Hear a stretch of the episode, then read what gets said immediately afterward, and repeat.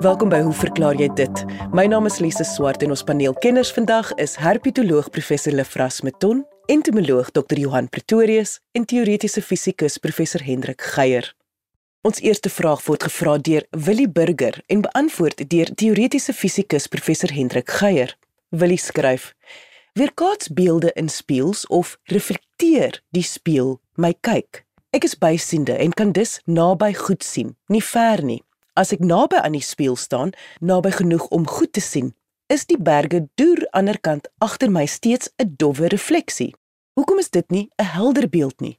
Ek is dan naby genoeg om daardie refleksie teen my waar te neem. Professor Geier? Nou die kort antwoord Willie is 'n beeld wat 'n mens in 'n spieël sien, jy sien hom so ver aan die agterkant van die spieël as wat die voorwerp waarvan jy nou waarna jy kyk aan die voorkant van die spieël is. So kortom 'n beeld vertoon aan die agterkant van die spieël uh op dieselfde afstand van die spieël as wat die voorwerp voor die spieël is. So as die berge 'n kilometer weg van jou is, uh dan sien jy in die in die spieëlbeeld eintlik ook berge wat 'n kilometer agter die spieël sigbaar raak. Nou hierdie hierdie soort vraag antwoord 'n mens die beste as jy wat 'n mens noem uh 'n strale diagram teken. So van enige punt waarvan jy nou weet dat dit liggewend is of lig weerkaats as dit ware en wat dan uiteindelik in die spieël weerkaats uh, van so 'n punt af trek jy eenvoudige reguit lyn na die spieël toe waar jy nou ook al heen korrel. En wat 'n mens weet van wat verder met so 'n ligstraal gebeur is dit word weerkaats teen 'n hoek wat dieselfde is as die invalshoek. So kortom is die stelling dat as jy daar waar die straal van jou voorwerp af nou die spieël tref, as jy daai lyn getrek het en by die kontakpunt 'n loodlyn op die spieël trek, dan weerkaats die lig met 'n hoek weg van daai loodlyn wat presies dieselfde as die invalshoek is. So tipies sê 'n mens die invalshoek en die refleksiehoek is ewe groot. So wat jy jou nou moet voorstel is nou jammer ons kan nie hier ehm um, 'n sketsie maak nie, dit sou die ding nog makliker gemaak het om te bespreek. Maar wat jy jou nou kan voorstel wil jy is sien nou maar jy 'n kersie ergens voor die spieël neergesit. Van die vlammetjie se punt trek jy nou 'n lyn daar na die spieël toe en die weerkaatste lig gaan nou na jou oog toe. Die lig weerkaats natuurlik nou in alle rigtings. Jy kan van daai vlammetjie se punt af allerlei strale na die spieël toe trek en by elkeen van hulle gaan dit so wees dat die weerkaatste hoek dieselfde as die invalshoek is. Maar as natuurlik nou net een of 'n paar, as 'n mens nou aanneem jou oog is 'n punt of as jy aanneem hy's nie 'n punt nie, dan is daar nou 'n paar van hierdie strale wat direk na jou oog toe gaan en al die ander uh, neem jy nie van kennis deur deur met jou oë waar te neem nie. Maar die punt om te maak is as ons nou net op een van hierdie strale fokus, Jy sien nou 'n straal wat van die spieël se oppervlak na jou toe aankom en jou brein is ingestel daarop om ligstrale te interpreteer dat hulle in reguit lyne beweeg. Met ander woorde vir jou is die bron van daai vlammetjie se punt iets wat agter die spieël lê. Jy verleng 'n lyn van jou oog na die kontakpunt of die weerkaatsingspunt terug agter die spieël verby.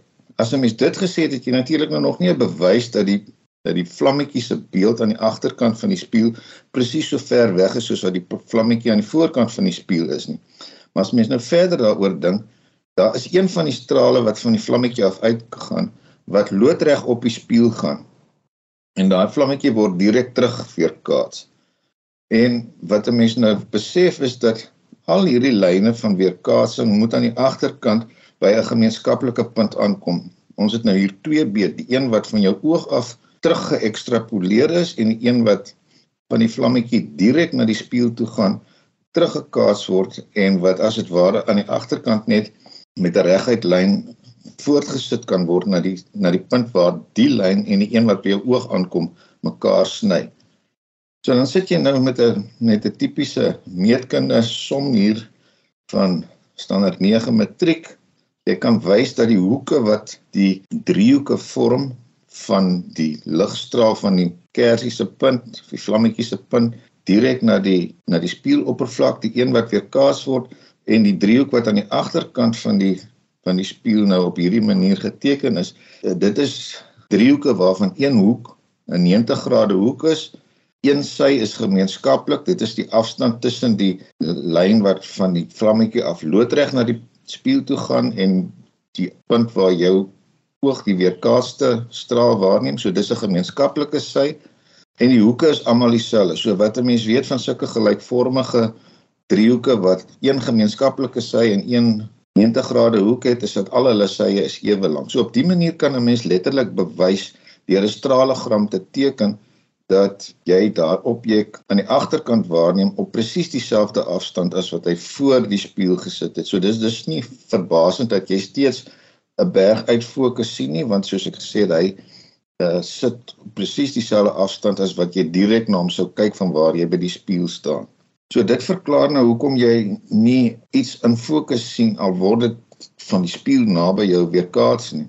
Nou om nou so 'n bietjie verwarring te saai rondom hierdie hele kwessie, uh het ek hier ek het dit lanklaas gedoen vir die luisteraars 'n uh, 'n huiswerkprobleem lees. Ons weet as jy nou in die spieël kyk en jy steek jou regterhand op, jou regterarm steek jy uit, dan lyk dit vir jou of die mens daar in die spieël wat nou jy is dieselfde met sy linkerhand doen. En enige ander links-regs tipe assosiasies wat jy maak as jy jou regteroog knip dan lyk dit of die ding in die spieël sy linkeroog knip. Nou hier's nou die vraag. Hoekom lyk dit of 'n spieël nou links en regs omkeer maar nie bo en onder nie Ek dink 'n bietjie daaroor, mense kan jouself nogal lekker deurmekaar dink uh, as jy verskillende antwoorde vir hierdie vraag probeer optower. En om die saak nou nog erger te maak, 'n mens kan spieëls so rangskik as jy twee reghoekige spieëls het sonder 'n raam wat jy op 'n tafel kan neersit sodat hulle bymekaar aansluit teen 90 grade en jy kyk in daai hoek in, dan sê jy agterkom dat jou linker en regterkante nie lyk soos wat hulle in 'n gewone spieël lyk nie, maar dit hulle inderdaad omgekeer is. So as jy jou oog, jou regteroog knip, sal die beeld wat jy daar in die hoek sien, uh, dieselfde doen. En om die saak nou nog verder te vererger, as jy een van die spieëls plat sit op 'n tafel en aan die agterkant die ander een vertikaal regop laat staan en jy kyk nou in daai gleuf as dit ware in waar die twee spieëls bymekaar kom, sal jy agterkom bo en onder is omgekeer. So as jy daarin kyk, gaan jy jouself onderste bo sien terugkyk. So die vraag is hoekom gebeur al hierdie goed? Ons kan miskien op 'n later stadium as van die luisteraars lus is om hieroor uh, terug te skryf 'n bietjie verder daaroor gesels. So dit was nou 'n langerige storie Willie. Ek hoop nie jy gee om vir die borduring nie, maar ek hoop jy het ook 'n antwoord op jou eie vraag gekry. En dit was teoretiese fisikus professor Hendrik Geier. Indien jy 'n vraag het, stuur jou e-pos na lise@rsg.co.za.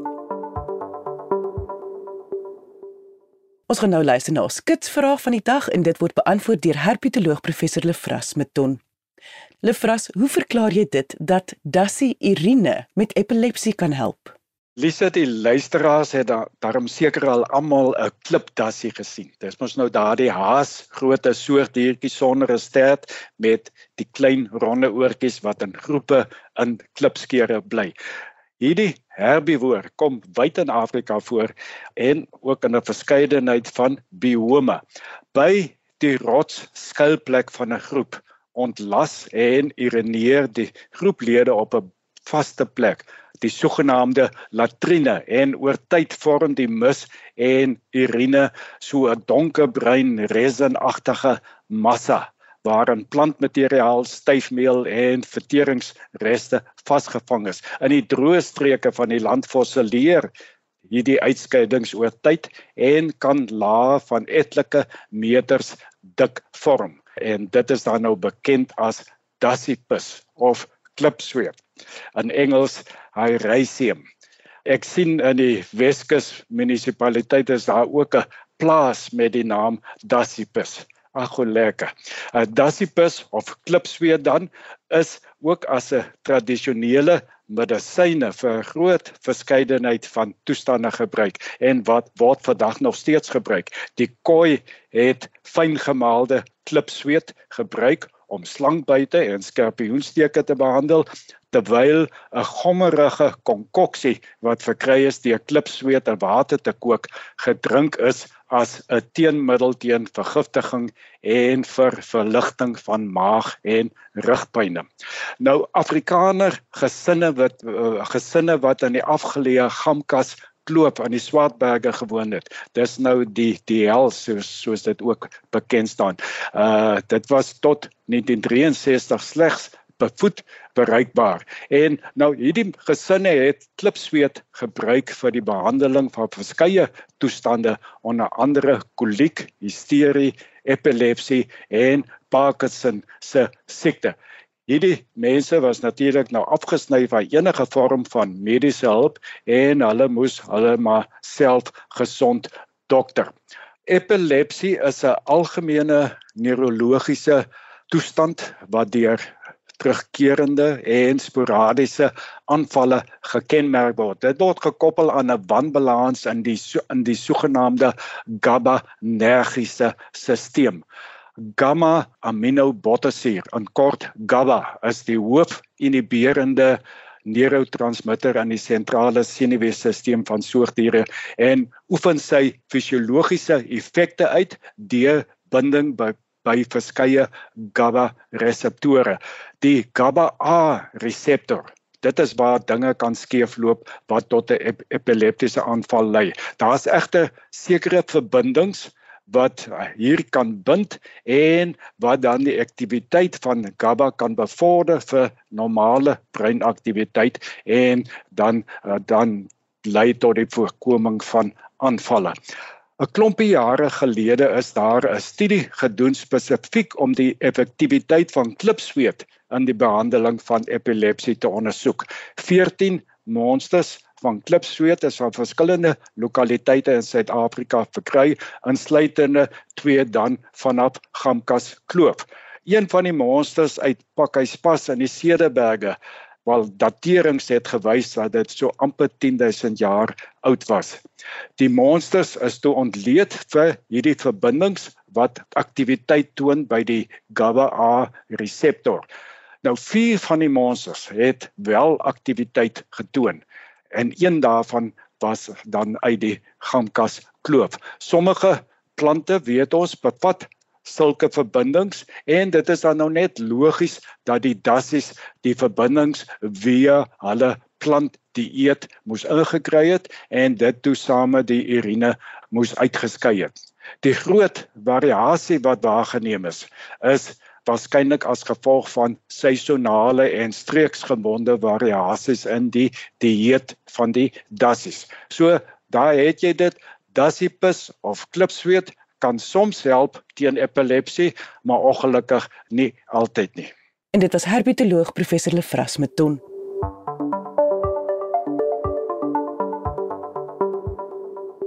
Volgende vraag anoniem, 'n vraag en dit word beantwoord deur entomoloog Dr. Johan Pretorius. Ons het 'n paar maande terug iewers in die Klein Karoo langs die pad stil gehou vir iets om te eet. My seun het toe op 'n muur getrap en dadelik het ander mure in die omgewing op die plek afgestorm en redelik ontsteld voorgekom. Van wat ek agterna kon aflei, was dit sogenaamde balbuitermure. My vraag is, het mure die vermoë om met mekaar te kommunikeer? Ek sou dink dit is wel moontlik, maar hoe doen hulle dit? En hoe verklaar mens die mure se gedrag nadat daar op een van hulle getrap is? Dr Pretorius Kommunikasie tussen insekte, veral by sosiale insekte soos sekere bye en wespe, asook alle termiete en mure, is seker een van die mees fascinerende verskynsels in die natuur en het al vir groot verrassings gesorg. Dink maar aan die Oostenryker Karl von Frisch, wie se werk om die Nobelprys besorg het nadat hy die danstal van heuningbye ontsyfer het. Nou ja, Aangesien mure sosiale insekte is, is kommunikasie tussen lede van 'n kolonie van kardinale belang vir hul oorlewing en sukses. En mure kan op 'n paar verskillende wyse met mekaar kommunikeer, waarvan chemiese kommunikasie sekerlik een van die belangrikste is, hoewel dit dikwels in kombinasie met ander metodes gebruik word. En dit word moontlik gemaak deur die produksie van sogenaamde semiochemikalieë wat basies 'n chemiese verbinding of mengsel daarvan is wat deur 'n organisme vrygestel word en wat dan die gedrag van 'n ander organisme beïnvloed nadat dit waargeneem is, het sy deur smaak of reuk. 'n Groot voordeel van die gebruik van semiochemikalieë in kommunikasie is dat die vervaardiging en oordrag daarvan baie ekonomies is en dis nie veel energie vereis nie. Feromone is sulke semiochemikalieë wat spesifiek individue van dieselfde spesies of soort in staat stel om met mekaar te kommunikeer.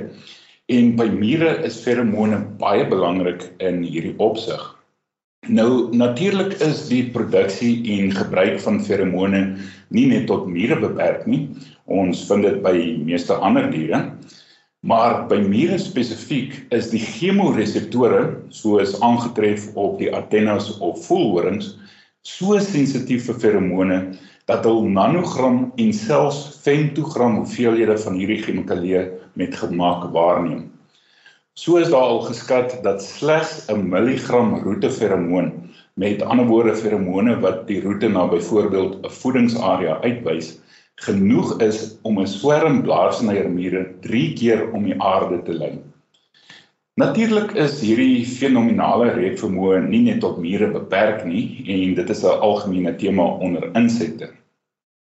Nou, verskeie feromone word deur mure geproduseer en afhangende van die konsentrasie en samestelling het hulle spesifieke funksies ten doel, soos byvoorbeeld om alarm te maak as gevaar dreig en ons sal nou daarna kyk om nesmaats te laat weet waar kos gevind kan word en om roetes na die kos te merk, om maats te lok vir paring, om te onderskei tussen nesmaats en indringers, om 'n koloniese gebied af te baken en nog vele meer. By een muurspesies wat in die noordelike halfrond voorkom, is daar selfs gevind dat die werkers 'n vlugtige feromoon afskei gedurende die lente wat dan die koningin en larwes uit hul winterdiapause of rus ontwaak. By mure word feromone afgeskei deur verskeie organe en eksokriene kliere wat op spesifieke areas reg oor die muur se liggaam voorkom. Tussen die verskillende muurgroepe vind ons egter dikwels dat kliere wat verantwoordelik is vir die produksie en vrystelling van feromone wat dieselfde doel dien, anatomies kan verskil. Byvoorbeeld, een spesies muur sal roeteferomoon in die gifklier van die agterlyf produseer en vrystel terwyl 'n ander muurspesie weer dieselfde feromoon in die tibiale kliere van die pote vervaardig en um, vrystel. Wat verder interessant is, is dat verskillende muurspesies die chemiese samestelling van hul feromone varieer sodat hulle net met hul eie spesies kommunikeer wat dit dan baie spesifiek maak presies wat feromone ten doel het.